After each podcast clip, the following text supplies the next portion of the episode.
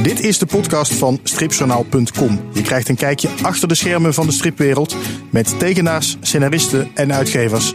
En mijn naam is Robin Vink. Dus boek gaat helemaal niet alleen over Andy. Het gaat ook over die hele wereld. Dus de dertiger en tachtiger jaren. Waarin zo'n beetje alles begon wat ik leuk vind. Mensen denken allemaal, nou, die Typex die is voorlopig de komende vijf jaar kan die eh, op Canarische eilanden gaan Ja, zitten. dat vroeg me wel af. Stroomt het geld nu binnen de, met, Nee, met iedereen landen? mag me gerust een biertje aanbieden als ze me tegenkomen. Dankjewel dat je dat vraagt. Het is een van mijn favoriete onderwerpen. Oh ja, oh, dat is niet. Oh, goed. Trek er nog een uurtje ik extra ga even, ik ga even een kop koffie halen. Ja.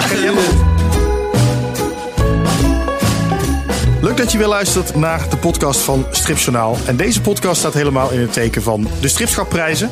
Stripschapprijswinnaar Typex is de gast. Ook de winnaar van de P. Hans Frankfurterprijs, Ger Apeldoorn, schuift hier aan. Die hoor je straks. Eerst aan mijn vaste sidekick, Seb van der Kade, Jawel. uitgever van de Stripglossie. Ehm Seb, wat is jouw nieuws als het over strips gaat? Nou, ik heb er even goed over nagedacht. En ik heb twee dingen die ik eh, graag wilde benoemen. Los van het feit dat ik ongelooflijk... Twee dingen. Je kan ook nooit gewoon één ding hebben. Oh god, het was weer één, hè? Ja. Ja. Nou ja ik, wilde, ik, wil, en ik heb ook nog een voorafje. Mag die? Ik wilde namelijk zeggen dat ik heel erg eh, trots ben op het feit dat ik hier naast eh, Ger en Typex mag staan. Want dat is natuurlijk het allerbelangrijkste. Maar ik wilde toch eventjes twee andere nieuwsfeiten ook naar boven halen. Eentje is, dat is de, de van Dick Matena. Want die heeft toch gezorgd dat, de, dat hij bij de wereld doorkwam. En eigenlijk dan op een indirecte wijze, namelijk via André van Duin. Waar zelfs Matthijs van Nieuwkerk van schrok. Maar het is wel te gek. Oh, Ger heeft Ja, het bij zich. Ger heeft het bij zich. Ja, laat, ja meteen Ger dan introduceren. Had hem meegegeven, joh. Had ik hem eh, kunnen laten signeren voor je. Hè? Ah ja, nou ja. Maar, dit is, eh, maar dat, daar ben ik heel erg blij mee. Wat Dick Matena heeft Simon Carmichael verstript. Juist, hij heeft hem verstript en hij is daar een behoorlijke tijd mee bezig geweest. Ehm, en nu is het resultaat daar. Eh, en ik, wat ik gewoon heel erg gaaf vind, is dat hij daarmee inderdaad de wereld draait door heeft bereikt. Hebben we het wel eens vaak over gehad van hoe kan je zorgen dat de strip naar een wat breder publiek gaat. Nou, dat is daarmee gelukt. Weliswaar nogmaals via een omweggetje André van Duin, die een vervent stripliefhebber is. Dus André, van harte dank.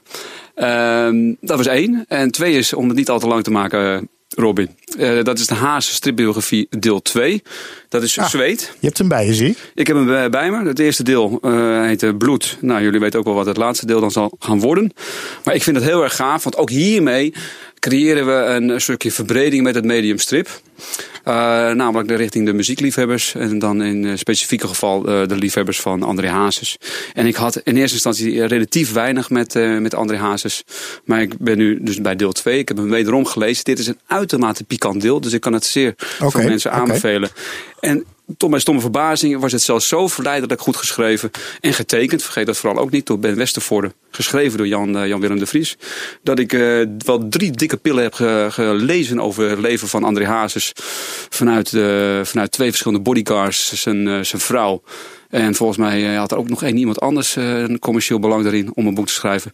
Maar ja, kortom. Vier, Zo, ik je hebt het even goed aangepakt. ik vier- allemaal, zodat je het derde deel niet hoeft te kopen. Nee, nee om, om te vergelijken of dat ze hun werk goed hebben gedaan, Ger. Dat heb ik bij jou, bij jouw boek ook allemaal gedaan. heb ik al je boeken moeten lezen om te kunnen verifiëren. Maar die, ehm, maar nee, maar die Hazes is dus heel erg goed. En ik ben zelfs muziek gaan luisteren. Nou, ik hou nu even op, want het wordt steeds gekker. Het is, ik had eigenlijk gewoon even een stukje hazes hier klaar moeten zetten nu. Dat was helemaal mooi geweest. Ja, dat nou, ik zou zeggen, dan moeten we even stil zijn. Dan kan je het daarna ik er erin gewoon zetten. onder monteren.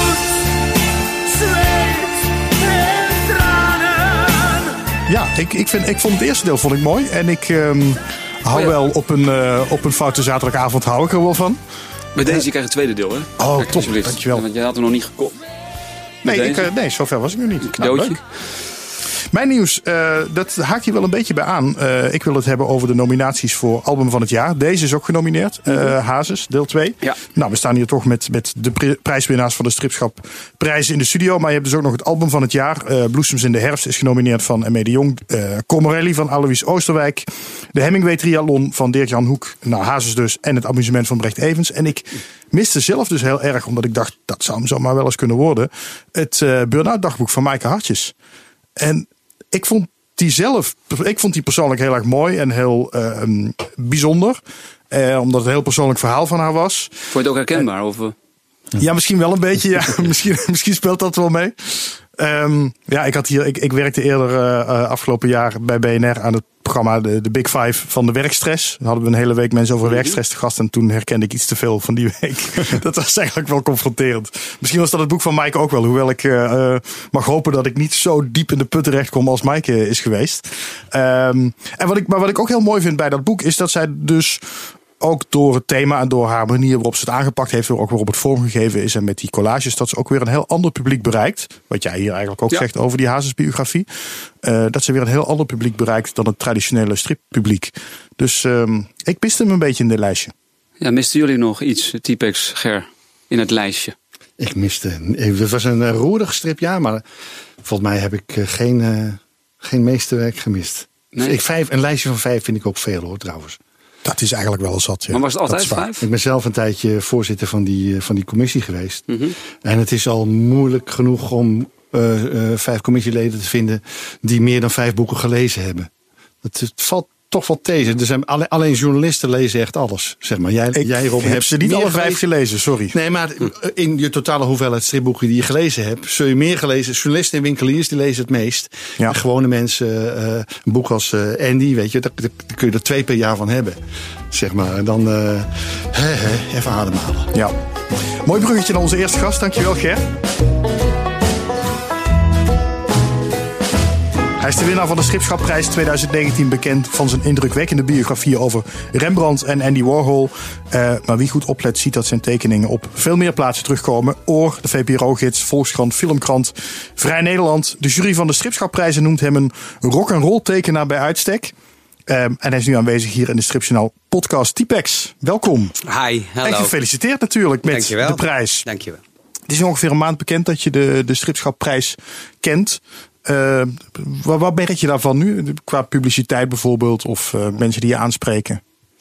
Um, ja, ik was verrast. Ik kreeg heel veel reacties inderdaad. En um, heel erg leuk. Maar ik, het kwam voor mij ook net na... Ik had in november had ik de, uh, zeg maar de première van, van mijn boek. Dus ik had al heel veel pers gehad daarvoor. En toen kwam dit nog een keer als een, als een slagroom erbovenop. Dus het kwam heel leuk uit juist. Ja, en, en heb je veel publiciteit gehad ook? Ja, maar dat, constateerde wel natuurlijk, als je het allemaal hebben geschreven over Andy, dan hè, het is geen Sinterklaas elke dag. Nee. Dan uh, zijn ze weer even klaar.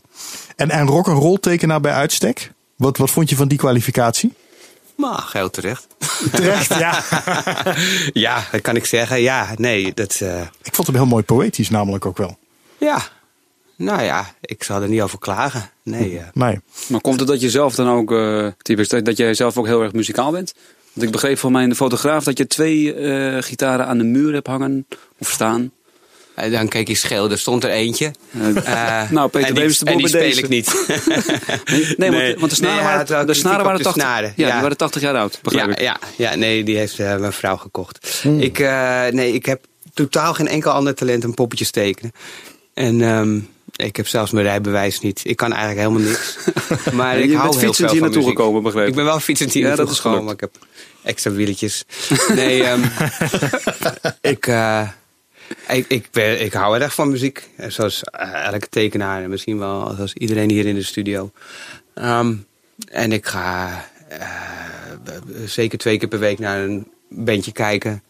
Dus, en ik, ja, dus, dus wat kan ik zeggen? Ja, ik, uh, ik leef wel met de rock'n'roll en de rock'n'roll leeft met mij. Ja. Mag je iets weer in de microfoon naar Tibet? Oh ja, sorry. Ja, ik kijk de mensen ja, aan, maar ik moet de mensen thuis Podcast, in de gaten ja. um, je, je, hebt nu dus die biografie over Andy Warhol gemaakt. Uh, dat is je laatste, je laatste behoorlijke grote wapenfeit, om het zo maar te zeggen. Het is ja. ook een, een, flinke dikke pil. Um, waarom Andy Warhol? Um, nou, zoals jij al zei, ik had ervoor een boek over uh, Rembrandt gemaakt. Dat was een opdracht van het uh, Rijksmuseum. En dat was natuurlijk een geweldige kans voor mij. En ook, uh, dat is ook zo gebleken, zeg maar. Daar heb ik echt heel veel aan gehad. En um, ook heel veel van geleerd. Maar ik had, uh, toen ik daarmee klaar was, was ook al best lang, na drie jaar. Toen uh, had ik heel erg behoefte om met die kennis die ik nu erbij had, zeg maar, om iets te doen wat meer in mijn eigen straatje paste. En jij noemt al rock'n'roll. Um, Andy, dat zit natuurlijk veel meer in de wereld van uh, film, strips, kunst of moderne kunst dan. En, uh, en muziek. En um, dus het boek gaat ehm, helemaal niet alleen over Andy. Het gaat ook over die hele wereld. Dus de dertiger en tachtiger jaren. Waarin zo'n beetje alles begon wat ik leuk vind. Ja, en, en wat ik heel mooi vond is dat je in heel verschillende stijlen ook bent gaan werken. Dus je, je begint met een ehm, beetje jaren 20, 30 Amerikaans. Het, het Eh, volgt de tijd. ja. Zeg maar, de tekeningen volgen de tijd van eh, die ik probeer, waar ik over vertel en wat ik, wat ik probeer weer te geven, zodat mensen. ehm, je hoeft niet, je, je kan om je heen kijken. Ik haat het eh, als er boven staat de, de datum of en toen en wie had dat nou gedacht. Ehm, ik vind dat het beeld voor zichzelf moet spreken en dat is natuurlijk heel erg zo als alles er gewoon op het moment dat, eh, dat alles hippie en happy is, dat ook alles er zo uitziet. En bijvoorbeeld ehm, dat deel waarin, eh, wat helemaal in top van de 60 jaren speelt, dat gaat dan eh, bijvoorbeeld over de Velvet Underground. En die lopen in die happy hippie wereld rond als enige die, in, die volledig zwart-wit zwart-wit blijven, de hele strip. En dan kan je dus laten zien van, ja, deze lui, die zijn eigenlijk de punk voor hun tijd. ja, inderdaad. Dat soort, dat soort dingen vind ik heel leuk. Om dat gewoon laten zien dat je niet alles hoeft uit te leggen.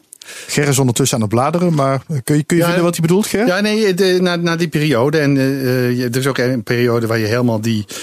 eh, hoe heette dat ook weer? Ze hebben net dat boek van Tae Chong King. Iris is opnieuw uitgebracht. Ja. En hoe heet die stijl ook weer? Oh, Die stijl, de, de man heet Guy Pellard. Guy Pellard is eh, een, je zou zeggen een Vlaamse tekenaar, hè? maar volgens mij is hij Franstalig. ja, dus het zal wel een Waal zijn. Ja. Ehm, uit eh, ja, die hoogtij vierde in, in de jaren zestig met... eh, ehm, hoe heet die strip ook alweer, jongens? Ik weet niet hoe die. Oh, kennis, eh, dat die- over die Russische mevrouw, Russische mevrouw met het die Pravda heb je. Pravda maar heb je. die andere vind ik nog mooier. Die, die zocht ik eigenlijk. Nou, ga ik Nou, straks als je het zeggen. voorwoord van, eh, van Iris nog een keer eh, leest, dan staat. Ja. Want Rudy noemt ze, Rudy Vrooman, de samensteller, noemt ze allemaal inderdaad. Ja, zeker. eye-opener. en ik vind het, het, die strip van Tae Chong King vind ik ook Ja. ongelooflijk mooi. Die tekent eigenlijk veel te goed om dat te doen. Want die, die Guy Pellard was ook leuk omdat het een beetje krukkig ook wel was. En daardoor heel, eh, maar daardoor ook weer een soort artistieke waarde kreeg voor mij. Ik vond het eigenlijk, die, sta, die stijl vond ik eigenlijk eh, meer pop-art dan pop-art. Die, eh, die stijl komt ook van later, is eigenlijk een 70 jaren strip. En daar, dat is eigenlijk het enige letterlijke, enige letterlijke voorbeeld waar ik me op heb gebaseerd. Wat ik me afvroeg, Typex, is: heb je al die stijlen zomaar in de vingers zitten? Of, of heb je daar heel veel moeite voor moeten doen? Nou, ik, ik werk altijd als illustrator. Of daar verdien ik altijd mijn geld mee. En eh, dan vind ik het al leuk om voor elk onderwerp zeg maar, te denken van wat voor stijl past erbij. En dan zie ik het veel meer voor me. Maar ehm, ja, dus, dus eh, wat ik zeg alleen dat Guy Pellard is vrij letterlijk. Het deel van de Velvet Underground. Die andere ehm, eh, delen, alle tien delen zijn inderdaad in een in een verkeerde, in een verschillende stijl. En, ehm, eh, en die heb je daar heel veel research voor moeten doen? Of ehm, voel je dat gewoon? Het zijn allemaal dingen die ik leuk vind. Dus ehm, eh, ja, het is ook een beetje.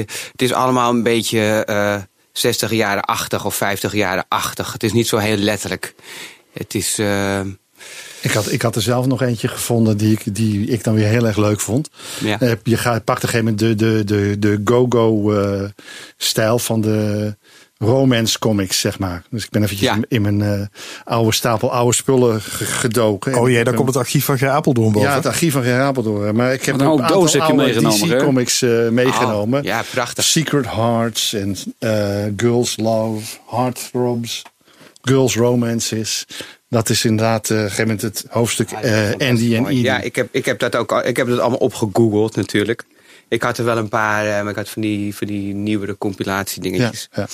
Maar ehm, ja, En, dit, en dit, dit- ik vind dat heel erg leuk. Alles gaat.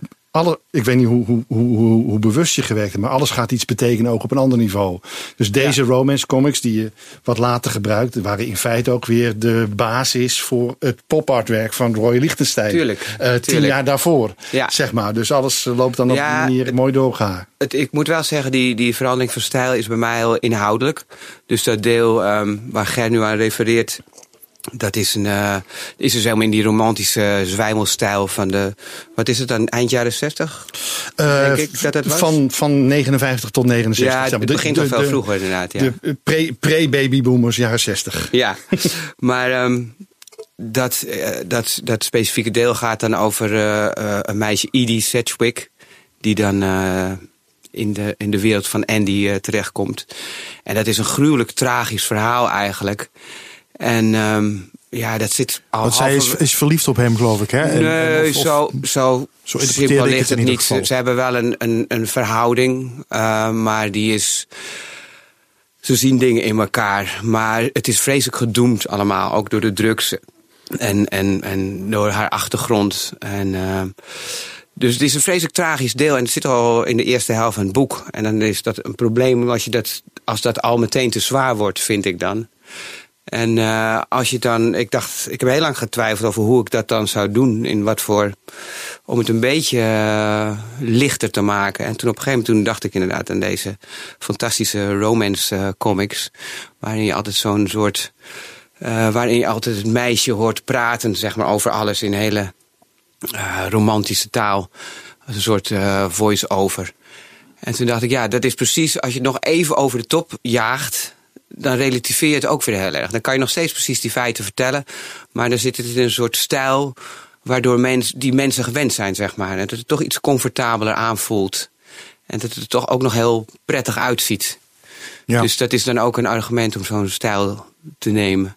En hoe ben je te werk gegaan? Want het, hoeveel, pagina's zijn het eigenlijk in totaal? Ik heb ze niet eens geteld. Maar het, is, het, het staat op de voorkant. Ja, oh, ja, toch. Hier, 562 jeetje, moet je, ja, kijk, ja, daar doe je dan vijf jaar over. Hoe, hoe begin je daaraan? Hoe begin je aan het, het leven van Andy Warhol om dat in stripvorm te vatten en dan ook nog zo omvangrijk? Um, nou, het is moeilijk om het niet nog omvangrijker te maken. Dat was eigenlijk het moeilijkste. Um, Schrijven is schappen, hè? Ja, ja, nee, dat is echt gruwelijk. Dat, uh, als, als je zegt vijf jaar, dat klopt inderdaad. Maar pas na drie jaar begon ik aan het uitwerken. En um, het schrijven. En uh, als, als tekenaar maak je eigenlijk meteen ook schetsjes, natuurlijk. Dus uh, ik had na drie jaar had ik een geschetst, uh, geschetste versie. Um, die voor mensen heel goed leesbaar was, zeg maar. Ook, zodat ik het ook kon verkopen en iedereen wist waar het over ging. Want toen ben je pas begonnen met verkopen eigenlijk, na drie jaar. Ja, daarvoor al, ja, het is 500, dus op een gegeven moment heb je al 200 bladzijden. Dan hebben mensen toch al een aardig idee.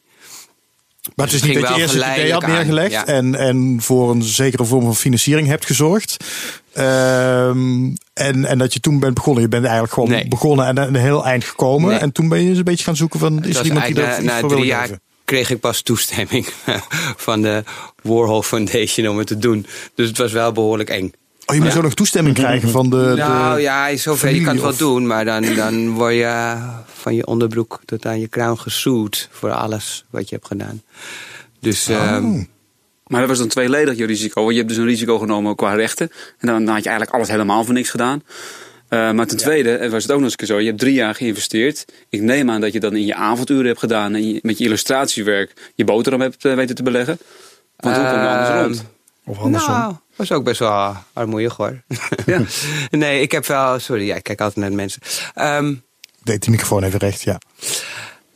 Um, ja, dat is, uh, dat is best wel lastig. Ik, uh, als je zo'n groot project doet, dan moet je van tevoren even wat vooruit werken.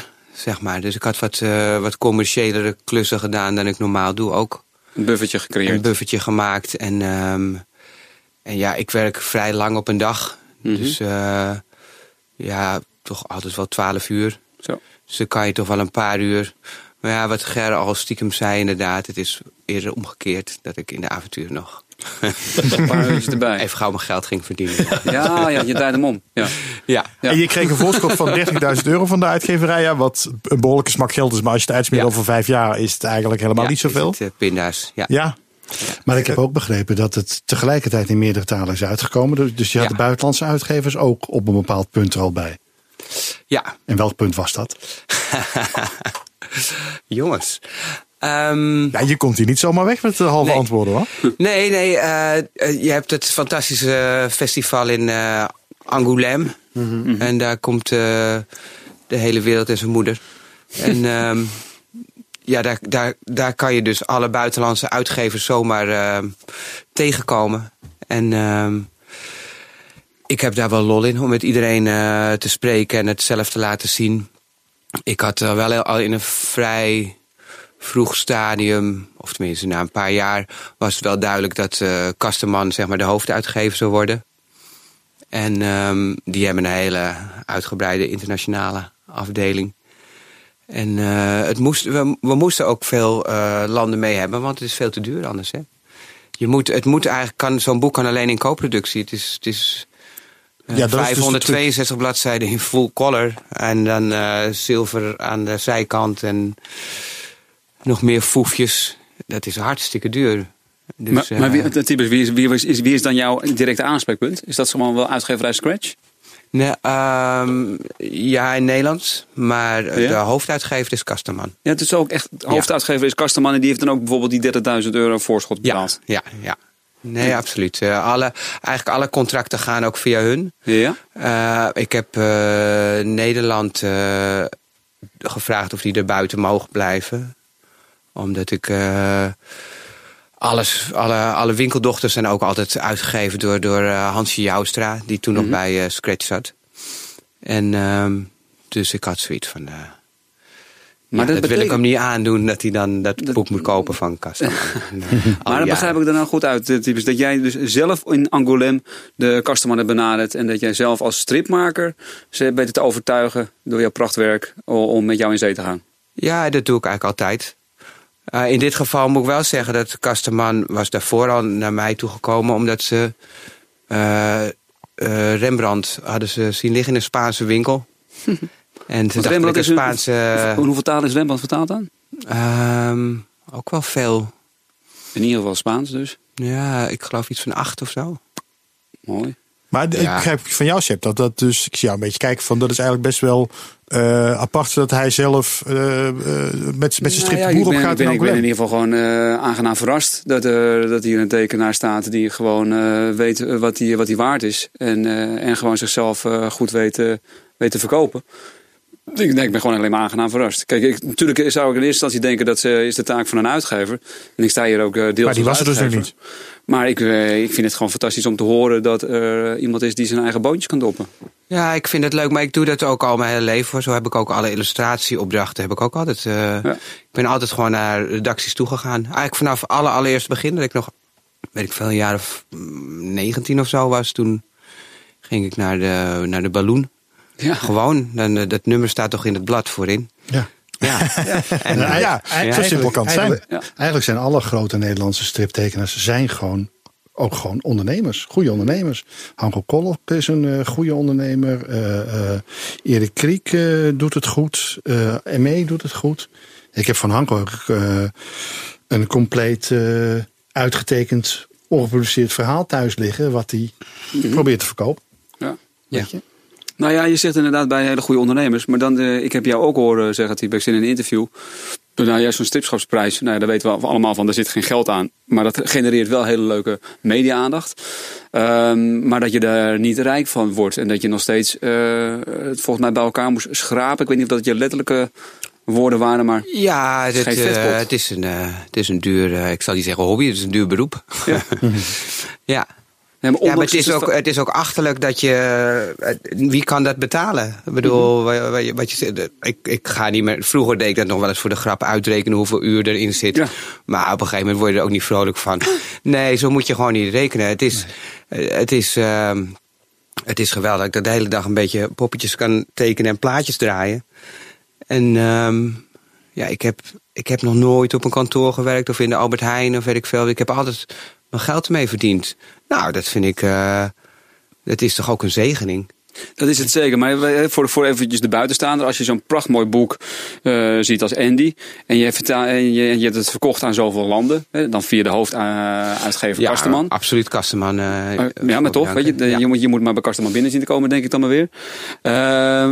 Mensen denken allemaal, nou, die Typex die is voorlopig de komende vijf jaar kan die eh, op eh Ja. Canarische eilanden gaan Ja, zitten. dat vroeg me wel af. Stroomt het geld nu binnen de, met, nee, met al die landen? mag me gerust een biertje aanbieden als ze me tegenkomen. Ik heb nog een halve Fanta, alsjeblieft. Want ik, ik begreep ook dat je aan het eind van dit project, eh, toen het gewoon klaar was, dat je toen eh, flink in het rood stond. Dat is met, eh, was met Rembrandt ook. Dan ben ik echt volledig failliet. En dat kost dan meestal een klein jaar om er weer boven te komen. Maar eh, het is natuurlijk wel zo, een boek, dat gaat zich later weer terugbetalen. Ik verdien nog steeds geld aan het boek van Rembrandt wat ik vijf jaar geleden af had. Qua royalties. En, eh, aan royalties, ja. En het wordt ook nog steeds eh, doorverkocht. Maar over wat voor bedragen En, eh, hebben we het dan? Ja, ik wil niet helemaal in je financiën gaan kijken, maar ik ben dat, Dat weet ik ook naar. nooit precies. nee, dat kan ontzettend eh, meevallen opeens. Dat je, maar goed, je krijgt geen tienduizenden, maar misschien komt dat ook nog. Ik heb geen idee. Ik vind het ook altijd leuk om dat een beetje in het ongewisse te laten voor mezelf. Ehm, het is extra. En, eh, maar goed, nu heb ik twee boeken, zeg maar, die internationaal staan. En daarmee hoop ik dat ik, ja, dat ik een soort potje heb voor de toekomst. Dat, ik, ja, dat het elke keer makkelijker wordt. Ja. Romanschrijvers doen het ook zo. Hè? Die leven altijd ja, van de inkomsten van hun vorige boeken. En een voorschot van een volgende boek. Leeft eigenlijk nooit in het heden. Ja. Over het volgende boek gesproken. De, de jury in, eh, van de Stripschapprijzen spreekt de wens en de hoop uit dat eh, het volgende grote project van Typex een stripbiografie wordt over de Nederlandse rock'n'roll legende Herman Brood. Zit dat erin? In geen duizend jaar. In geen duizend jaar. Zo. Zit geen Nou, brood stelliger in. hebben we hem nog niet gehoord. Zit geen brood in. Dankjewel Ger voor deze fantastische grap. Ik moest er maar. Ik zag Ja, de al klaarstaan. Ja, ik denk, ik, ik, ik wil maak er hem. meer schoppen, maar ja. Maar hoezo niet? Nou, ik, ik vind eh, gewoon ten eerste. eh, ik, ik heb inderdaad nu twee biografieën gemaakt. Maar eh, begrijp me niet verkeerd. Het, het, is gewoon iets wat me. ja, zo is het gelopen. Maar ik ben zeker niet van plan om daarmee door te gaan. Ik hou er niet van om, jezelf, om, om mezelf te herhalen. En ik vind na dit boek van Andy. zou ik echt mijn god niet meer weten wat je nou nog voor een leuke, op een leuke manier een biografie kan vertellen. En, eh, en ik ben ook wel blij dat, het nu, dat ik dat gedaan heb en dat het klaar is en dat ik weer wat anders kan doen. Heb je al enig idee wat? Ik ben alweer druk bezig. Eh, het, wordt een, eh, het worden verhalen. En moeten we daar vijf jaar op wachten weer? Of, ehm, Nee, nee. Het is zelfs al. ik heb zelfs al een, een datum gekregen, maar ik weet niet of ik dat weer haal. Dus 2021 voorjaar. Oké, nou dat voelt toch nog heel ver weg. Maar wordt, Maar, het- eh, ja, wordt ja. het dan meer een soort eh, klassieke strip? Mogen we dat verwachten? Ehm, ja, dat heb ik eigenlijk nooit zo heel erg gedaan, klassieke strip. Het wordt wel klassieke stripperig. Ja. Ja, het, er zitten wel eleme- elementen van klassieke strips En het is fictie. Het is allemaal wel, ja, ja dit is ook allemaal fictie hoor, die biografieën. Ja, ik, ik, ik vind het persoonlijk. eh, ehm, ik vind het eigenlijk. Ja, het is wel een biografie van Andy. Maar het is zo dik geworden omdat je al die mensen eromheen hun eigen hoofdstuk geeft.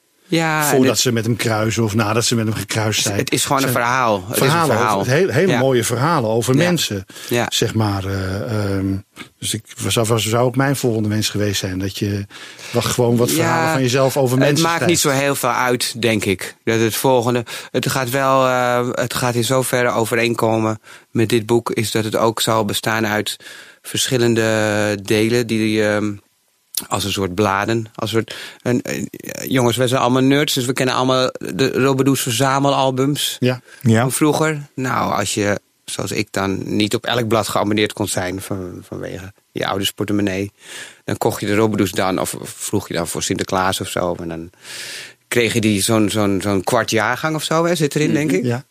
En, eh, en het feit dat je dan elke keer in een stripverhaal zit te lezen... en dan heb je heel erg zin. Oh, en hoe gaat het verder? Op een spannend moment stopt het. Dan denk je, fuck. Maar ja, dan moet je naar het volgende nummer. Maar er begint alweer een nieuw verhaal, zeg Ja. maar. Dan denk oh ja, en daar krijg je dus hetzelfde mee. Maar je wordt ook weer... ehm, het komt ook allemaal weer goed, zo gauw je weer in het volgende nummer bent. Dus elke keer heb je weer diezelfde ervaring van, van spanning en... eh, Ja, het Anticipatie. Dus zo'n soort iets wordt het. Een soort uh, verzamelalbum. Van Met Typex. verschillende strips. Ja. Maar wordt het dan ook zo licht? Eh, Ik bedoel, wordt het avontuurlijk of wordt het echt heel diepgaand, filosofisch? Ja. Het laatste, het la- het laatste of het eerste? Ik kijk er naar uit. Dankjewel, dankjewel Typex. Ehm eerst mag je natuurlijk nog de stripschapprijs ophalen op de stripdagen Dutch Comic Con in maart. Ja, Dank dat je hier was. Dankjewel. dankjewel.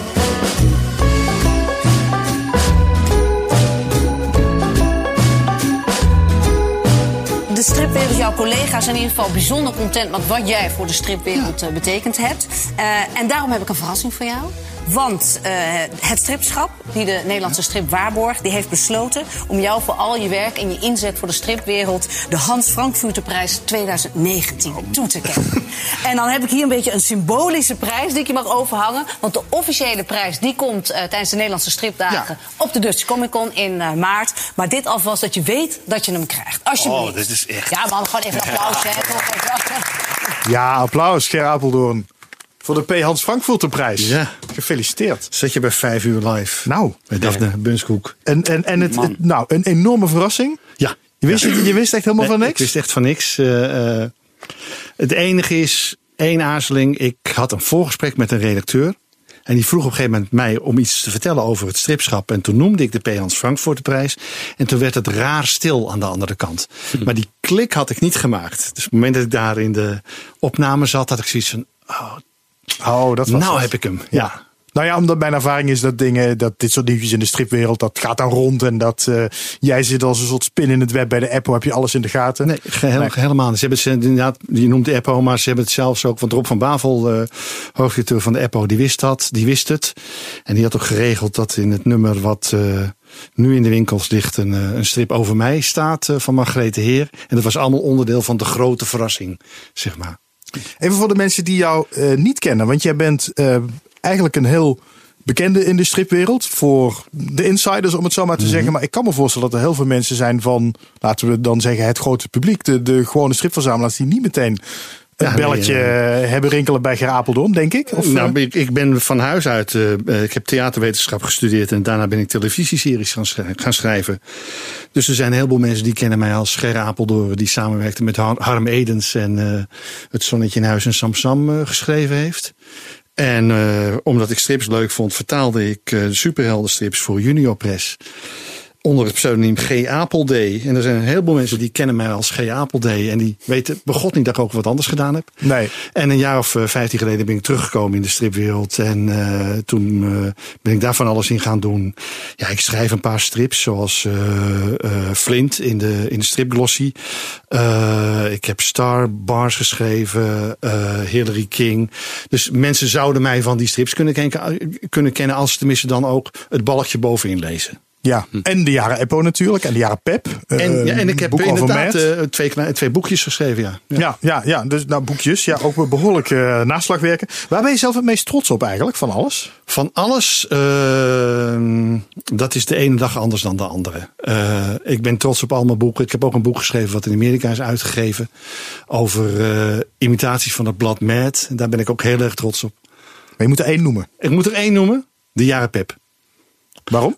Daar is het allemaal mee begonnen. Ik, ik, ik was veertien en eh, ik was abonnee van Pep. En dat kwam eh, iedere week binnen. En eh, op een gegeven moment ben ik op bezoek geweest bij de redactie. En daar lieten ze me. Jan de Rooij die leidde me rond bij de redactie. Toen En, nog een die was. Zei, die was de redacteur. En die zei: Welkom in de keuken van Pep Pruttel Pruttel. Want dat was ongeveer hoe ze toen praten. En eh toch laden ze open en liet me strips zien die nooit meer gepubliceerd zijn. Ik werd meegenomen naar een kamertje waar mensen een nieuwe strip van Peter de Smet, eh, de, de tekenaar van de generaal, mijn held, zeg maar. Eh dus een nieuwe strip van Peter de Smet, namelijk een, een, een ridderstrip. En die werd de eerste pagina's, werden daar ingekleurd en die zag ik daar. En, Is die ooit verschenen ook? ja, dat is Joris eh, Dat Oh, is. Nog steeds, wat ik nog steeds ongeveer het beste vind wat Peter Smet gemaakt heeft. Eh, zeggen we, de generaal is ook leuk, daar niet van. Er worden leuke boekjes van uitgegeven, maar eh, Joris PK met zijn, eh, met zijn maatje Plok, die altijd een knuppel bij zich had.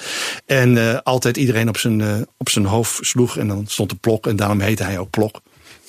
Hele simpel humor. Dit, dit is dus waarom ik Ger altijd de chroniqueur van de Nederlandse strip noem. Hij weet echt werkelijk alles. Als ik iets wil weten, als ik iets even niet weet, en dan bel ik jou en dan kom jij met is een gewoon hele een andere manier om te zeggen dat ik fucking oud ben. Dat eh, zal zeker een rol spelen. Bijna ja. 60 Ja. toch, eh, Ger? Ja, ja, dank je. Dank Ja, je ik zal eventjes... Ja. eh, Ja, ja, die rollator mag je niet parkeren, hè? die staat daar fout. Ehm, wat ik ook heel leuk vind, is dat jij ook heel erg de stripwereld in Amerika en in Frankrijk in de gaten houdt. Eh, hè, je hebt je heel Ja, erg je blik ja. op het buitenland gericht. Welke van die twee inspireert jou het meest? Ehm, ik moet zeggen, Amerika. Voor mij. Ik ben heel jong begonnen met Nederlands strips, zoals iedereen. Donald Duck, daar stond Tom Poes toen nog in. Dat las mijn eh, vader aan me voor. Eh, daarna zag ik ook ongeveer Nederland ongeveer alles. Maar toen ontdekte ik op een gegeven moment de Amerikaanse Mad. En dat was een, eh, zoals voor veel Amerikanen, was dat een grote schok. Om de, de, de wilde humor te zien. En vooral als, nou, ik had 10, 12 geweest zijn. Dat je oh, mag dat ook? Mag, je, mag je ook dingen belachelijk maken? Oh, dat, weet je, dat was zo'n grote eye-opener. En Matt heeft weer invloed gehad op, op, op mensen die voor Pep, op Martin Lodewijk, eh, Dick Matena. eh, allemaal mensen die voor Pep werkten. Dus je ziet die, die, die sarcastische of, of spottende toon, die invloed, dat is nog steeds, eh, ja, dat is nog steeds mijn humor en dat is nog steeds waar ik op kik. Dus oude Amerikaanse shit, dat is ongeveer waar ik het, wat ik het leukst vind. Ja, en, en wat zouden wij van Amerika over eh, moeten of kunnen nemen? Ja, we hebben misschien al een hoop overgenomen ook. Dankjewel dat je dat vraagt. Dat is een van mijn favoriete onderwerpen. Oh ja, Ja. oh, dat wist ik niet. Oh god. Trek er nog een uurtje ik ga even, ik ga even een kop koffie halen. Ja, los. ik vind dat wij ik, eh, in Nederland, ik ben natuurlijk ook televisieschrijver en, en, en, en dramateur, dus ik heb ook voor toneeldingen gedaan. Ik vind dat wij in Nederland fundamenteel eh, er niet in geslaagd zijn om onze pulp te verheffen tot literatuur. Alle landen om ons heen, eh, Engeland, Frankrijk, Duitsland, Amerika, hebben ze de, de pulp van het land, eh, zijn ze in andere vormen opnieuw gaan doen en hebben er iets aan toegevoegd. Eh, maar om, om een voorbeeld te noemen, want je kijkt me heel erg leeg aan nu, Dr. Who. Nee, nee, ik kijk je niet leeg aan. Maar was Who is bijvoorbeeld een tv-serie. Dat is, dat, dat is gewoon een pulp science fiction. Het is niet eens intelligente science fiction. Het is gewoon pulp science fiction. Maar door het te vermenselijken, door er lagen aan toe te voegen. En die lagen kun je er ook aan toe te voegen, omdat je in serievorm werkt. Ik ben een erg grote fan van serievorm, omdat je langzaam de lagen kunt wegpellen. Eh, is die pulp is verheven tot edelpulp. En in Frankrijk hebben ze Fantomas. En eh, in Duitsland eh, hebben ze vast ook iets, weet ik even niet. Maar bedoel jij nu, daarom zat ik je misschien Ja. een beetje leeg aan te kijken. Bedoel jij de, de, de pulpstrip? Of bedoel je dat de strip in zijn geheel als pulp in het Nee, ik grote bedoel, ik bedoel dat, dat pul- pulp is een soort eh, is, is een genre van een bepaald Ja. soort eh, eh, cool avontuur. Zeg maar, een bepaald soort avontuur. En wij, wij maken geen films, wij maken geen tv-series, wij maken misschien tot voor kort, maar in ieder geval maken vrijwel geen strips. Die die coole elementen eh, eh, omhoog tillen door, door de betekenis aan te geven. Dat kan een symbolische betekenis zijn. Zoals jij in Andy eh, pak je visuele elementen en, Ja, en, en, en, gedaan, en ja. gebruikt die om lagen aan te duiden, zeg maar. Het zijn ook, daardoor doe je dingen waardoor de lezer zelf, zelf zijn verbanden moet maken, zelf zijn eh, moet zeggen: Oh, hey, oh, oh, wat leuk. Weet je, oh, ontdekt van alles in, in datgene wat je maakt. En dat doen wij in de Nederlandse cultuur eh, niet of te weinig. En je ziet hele generaties eh, twintigers nu.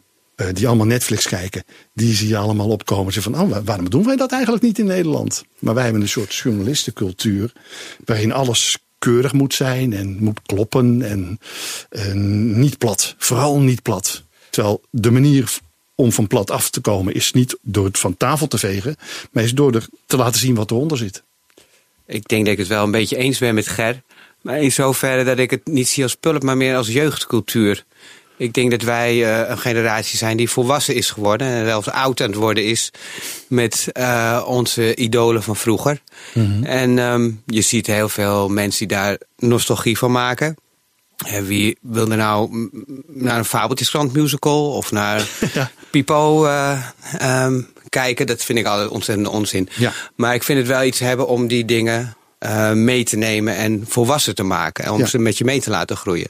Dus dat is wel wat ik zelf altijd als. eh, Ik herken, dat, ik herken dat inderdaad in jouw werk, omdat jij waarschijnlijk ook visueel ingesteld bent. Of, maar je hebt niet dat soort die, die, die wel tegenkomt, die, die kunstopleiding, weerzin van alles wat. eh, eh, wat plat is, zeg maar. Eh, nee, ik heb ook een kunstopleiding gedaan. Maar ehm, neem het je niet de, kwalijk. de leraren hadden dat wel destijds. Inderdaad, Ja. ik moest niet aankomen.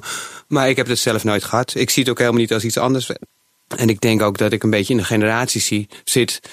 Zoals Erik Kriek en Ja. de Lame Losjes.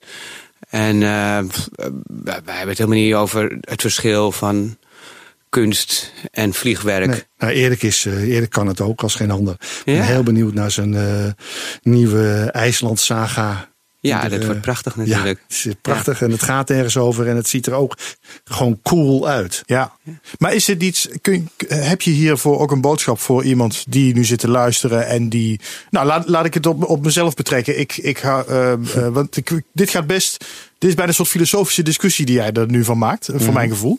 Eh, en ik ben gewoon een liefhebber van strips en ik lees net zo graag Suske en Wiske als dat, dat boek van Andy en ik beoordeel gewoon alles op, wat vind ik ervan, vind Ja. ik het leuk of niet en dat mag, soms mag dat wat, wat simpeler zijn. Nou, ik merk wel dat ik van iets meer inhoud begin te houden onder- ondertussen. Ehm, maar het mag ook best een keer plat zijn. Op, Ehm, op filosofisch niveau eh, is mijn ding is gewoon, ik vind bruin brood beter dan wit brood. Ja. Zeg maar. Ja. Ehm, Maar eten wij, alles. eet- eten wij dan te weinig witbrood of eh, bieden we te weinig bruin brood aan? Heel Eh, ingewikkeld. als ik het dan de vergelijking moet maken naar Nederlandse cultuur, dan vind ik dat wij heel veel, heel erg wit brood en, en eh, grijs eh, betonbrood maken. Maar we maken geen goed, heel weinig goed bruin brood. Wat lekker is om in je mond te stoppen, maar waar je toch eventjes op kunt kauwen. En dat is eigenlijk waar ik een pleidooi voor maak. Wat ik trouwens met, eh, met mijn eigen strip Flint ook doe. Want het is een Victoriaanse detective die zich eh, dus afspeelt in eh, 1863. En ik zorg dat het allemaal historisch klopt. Maar daar gaat het niet over. Het zijn, zitten monsters in en ze rennen door, eh, door Londen. Dat is het coole element. Maar hij heeft ook een, een, een, een traumatische jeugd. En er is iets aan de hand met zijn huishoudster. En er zitten allemaal geheimen in. Die ik zelf ook nog niet ontdekt heb. Maar die we wel langzaam gaandeweg als die serie doorgaat. eh, gaan, eh, eruit gaan halen, zeg maar. Ja. Sip, ik vind jou wat stil in deze discussie als degene die als uitgever ehm eh, Nee, ik het brood selecteert, eh, om het zo maar te zeggen. Ik geef duidelijk geen. Oh, ik, geef, ik, geef, ik, geef, jou, ik hè? geef wel pulp uit, ja. Dat is wel waar. Nee, ik denk, ik hou me stil. Want Ger is hartstikke goed bezig om Flint te promoten. En dat is een van onze uitgaven. Dus ik, eh, ik denk, ik stel me bescheiden op. Dankjewel, Ger. Ja. Eh, nee, ja, ik vind het een hele interessante discussie die hier wordt gevoerd. Maar ik, vind, ik sluit me ook aan bij jouw opmerking, eh, Rob. De, eh, ik denk dat een heel groot deel van het publiek ook gewoon eh Suske Wiske in, in hun vizier heeft zitten. En een Asterix en Obelix. Ja, Ehm, ik, ik, ik ben vrij fundamenteel in mijn mening. Ja, ik, ik, ik zat, ik zat een paar jaar geleden was ik ernstig ziek. En was ik in een ziekenhuis. En als comedy schrijver denk ik, ik ga eens aan mensen vragen die hier ook liggen in het ziekenhuis. Wat, wat moet ik maken als ik, als ik dit overleef? Wat willen jullie dat ik ga maken? En toen zeiden ze, nou, als het maar veel gelachen wordt en veel gedanst. ja. En toen besloot ik van mensen weten niet wat ze, wat ze nodig hebben. Ze weten misschien wat ze willen. Maar al die mensen die daar in die ziekenzaal met mij zaten, wat die nodig hadden, was een keer goed janken. En waarom ze vroegen, was lachen en dansen. En toen had ik wel zoiets van, nou, dan ga ik ze voortaan, ik ga ze geven wat ze willen. Maar ik zorg dat ik ze geef wat ze nodig hebben. Maar als ik dit dan vertaal naar de stripwereld, dan hoor ik jou eigenlijk zeggen. Ehm, dan, dan kom je een beetje in de discussie van graphic novels versus tussen aanhalingstekens gewone strips. Ma- Maak ik er nu dan van? Hè? Nou ja, zo en is. dat vind Maar ik dan- dus een oninteressante discussie. Ik, ik geloof dat, dat je, als je dat, die scheiding gaat maken. Want jij had het net over de klassieke strip. ehm, dat je dan je doel weer voorbij laat. Je moet die dingen juist bij elkaar brengen. Ik, ik heb. Ik, heb eh, ik was, binnen. ik was op vakantie in, eh, in, in het buitenland doen ze het ook goed. En hier begint het ook te komen. ME komt het. En dit was ook. En die was ook schitterend om te lezen. Boeiend om te lezen. Die mensen leven, zeg maar. Die, die, die, je zegt het beeld, maar hoe ze praten is ook heel erg mooi. Weet je wel, die, je, hebt je, je hebt ze echt ge- gevangen, die mensen. En Nee, maar dit is, dit is duidelijk iets anders. En die is duidelijk iets anders dan een Suske en Wiske verhaal. Het Ehm, ziet eruit als iets anders. Maar het is gewoon, het is, het is gewoon dat je even een paar uur bezig bent voordat je doodgaat. Meer is het niet. Ik ben ook zelf geen voorstander van de discussie hoor. Het verschil tussen eh, graphic novel en strips, dat zie ik helemaal niet. Nee. Het is, ik, eh, ik was in- Spanje op vakantie. En daar, eh, 90% van wat daar in de stripwinkel staat is graphic novels. En graphic novels over de, over de mislukte reis naar de Zuidpool. Beroemde mislukte reis reis naar En die hadden ze in stripvorm, in graphic novel vorm vertaald. Dan betekent graphic novel wat ik vind dat het moet betekenen. Namelijk gewoon een dik boek waar een verhaal in staat. Ja. En dan vind ik de klassieke strip, als je die definieert als 44 pagina's, dan mankeer je jezelf al. Want 44 pagina's kun je maar een klein verhaaltje in vertellen. Nee, maar ik begon alweer mijn verhaal ook met eh, twee eh, punten. eh, twee hoogtepunten uit het nieuws. Dat is onder andere dus de kronkels van Dick Matena. en Hazes. En dat zijn dus de- juist niet die eh, 44 pagina's avonturen albums. Ik, wat ik alleen een beetje proef bij jou, Robin, is dat, dat het, zoals, zoals we er nu over praten, Ger, is het soms best wel zwaar. En ik denk, en jouw boodschap is juist dat het juist niet zwaar is. Het is juist, het alles is in principe licht. Ja. En we, we, maken het, we maken de discussie zwaar. De, want typisch, jij wilde ook de discussie inderdaad niet voeren. Dat ben ik helemaal met je eens over graphic novels en eh, de verschil tussen klassieke strip. Want door die discussie wordt het heel zwaar. Het is gewoon, we maken mooie dingen. En wat we beter moeten doen, of tenminste beter zouden kunnen doen, is het over het voetlicht brengen. Dat meer mensen, de, de, dat er minder drempels worden opgeworpen. Door juist niet zulke ingewikkelde discussies te gaan voeren. Dat vind ik zeker, want dan denk je dat, denken mensen er twee dingen aan de hand zijn. Dat is helemaal niet waar. En ehm, als je zegt klassieke strips, dat vind ik eigenlijk ook bijna badinerend. Want Ja. weet ik veel, wat jij noemt, de, de Mad van de jaren 50, de, de, weet ik veel, de Little Nemo's, de Crazy Cats. Dat zijn de meest klassieke strips die er bestaan. Dat zijn Ja, de eerste prachtig. strips die er Ja. bestaan. En dat waren volledig experimentele, weirde shit die je met je hoofd fukte. Ja. En dat vond iedereen heel prettig. En- want het werd tijd. En zelfs de, de grootste trutstrips die in die tijd gemaakt worden. Ik hou erg van Amerikaanse krantenstrips. En Ja. dingen als The Heart of Julia Jones van Stan Drake. Dat is een, een, een soapopera eh, in de krant. Eén strookje per dag en zondags een hele pagina in kleur.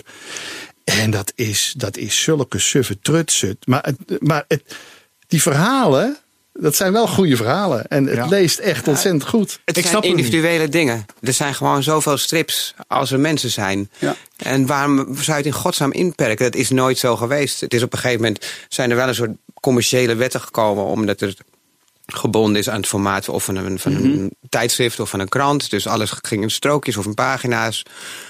Maar ja, dat is een soort commercieel iets halverwege. Maar eh, eigenlijk is volgens het mij moet- altijd een inventief medium geweest. Precies, want ik- als ik terug, terug naar jou typ. Als jij een boek maakt, dan deel jij hem ook niet van tevoren in. Ik ga nu eens een keer lekker een graphic novel maken. Neem ik aan. Nee, ik ben, eh, ik ben striptekenaar, zeg ik altijd. En Nou, ik maak het- ook illustraties. Het sluit volgens mij ook aan bij die, bij die, eh, bij die ondernemerschap eh, discussie die we net hadden. En wat je bij jonge generaties ook, ook heel goed ziet. En ik heb dus die boeken geschreven, de jaren Pep en de jaren Eppo, waardoor ik met heel veel stripmakers gesproken heb. En er zijn ook echt wel generatieverschillen, zeg maar. Is een hele, hele generatie die is opgegroeid als wij werken voor de baas en de baas moet voor ons zorgen. Of de baas betaalt ons te weinig. Of de, weet je, en dat ondernemerschap, wat hang, nou, eh, eh, dat soort mensen hebben, die, die, je be- bedenkt dus iets wat je wilt vertellen in een vorm waarin je het kunt vertellen voor een publiek wat je je voor kunt stellen. Nou ja, dan ben je een goede ondernemer. Ja. Het gaat ook alle kanten op, hè? Want in, toen ik begon met illustreren en toen ik op de academie zat, het, eh, was strip overal taboe. Eh, in, de, in de kunstwereld, nou, toen was het in de musea was het trouwens wel, was het al lang geen taboe meer, maar de academie loopt natuurlijk altijd daarop achter. En, ehm, en ook met illustratie eh, dingen te, te stripachtig. Nou, dat geldt al lang niet meer. Dus zonder het weten zijn we al. Je hebt het over dingen integreren, over stripboeken integreren. Maar zonder het weten zijn we al veel meer geïntegreerd. En kijken mensen gewoon meer naar die en die tekenaar. En ehm, ja, dus ik denk dat het eigenlijk al hartstikke goed gaat. Ja. Ik denk dat wij het best wel met elkaar eens zijn, Ger. Want, want eh, wat je volgens mij bedoelt, om het nog maar even simpel te Ja. zeggen, is dat je eigenlijk zegt: kijk gewoon wat je voor je hebt en beoordeel het daarop. En denk niet dat iets te moeilijk is bij voorbaat. Dat Ja. gebeurt misschien vaak nog. Dat gebeurt eh, of te moeilijk of, of niet goed genoeg. En daar moet ik dan bijvoorbeeld, je moet Erik Kriekers uitnodigen. Die is heel uitgesproken in alles wat niet mag. Ik denk van ja, nou ja, dat is jouw smaak, weet je wel. Dat betekent niet dat het niet mag. Dus dat is, zet je ook weer een hek neer. en ik moet zeggen, houdt van mopperen, hè? Erik houdt van mopperen? vergeten. Je houdt heel erg van mopperen. Dat is een passie. En ik moet eerlijk zeggen, om het terug naar het hoofdonderwerp te krijgen, namelijk dat ik twee boeken heb geschreven die ik verkopen moet. Eh, de jaren zo en- slecht met de zaak, de jaren Pep en de jaren Eppo.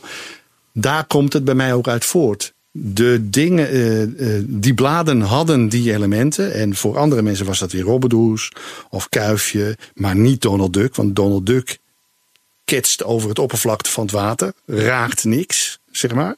Maar de- die bladen die hadden dat. En ik heb die boeken geschreven om vanuit dezezelfde filosofie.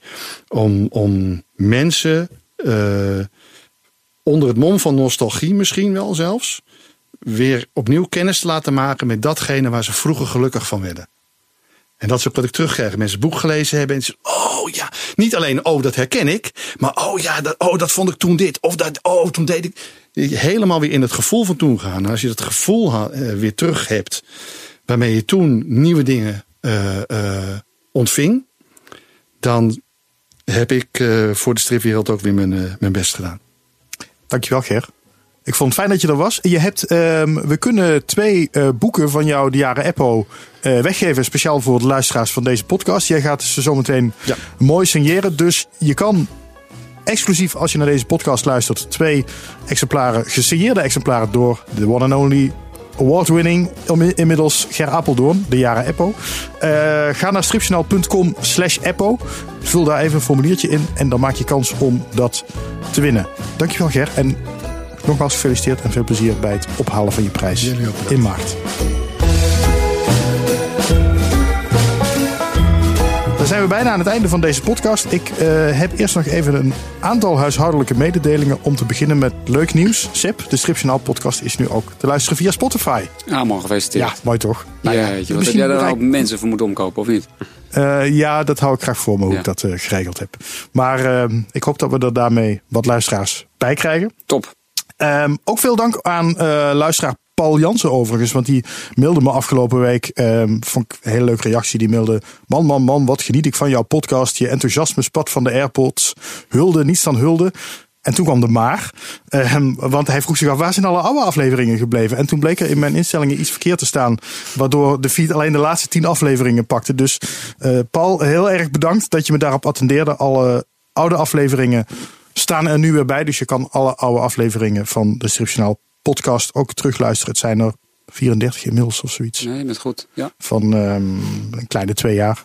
Twee, tweeënhalf. Nou ja, anyway. Ehm deed me trouwens wel aan iets denken dat ik dacht, ik heb eigenlijk niet echt een idee wie nou mijn luisteraars zijn. Ik weet wel dat het een paar mensen uit eh, de stripwereld zijn die regelmatig luisteren.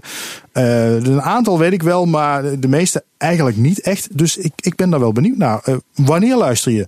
Via welk platform? Eh, wat wil je nog eens horen? Wie wil je nog eens horen in deze podcast? Vind je eh, een uur waar we nu bijna op zitten, vind je dat prima? Vind je dat te lang? Wil- je misschien nog langer? Vind je dat te kort?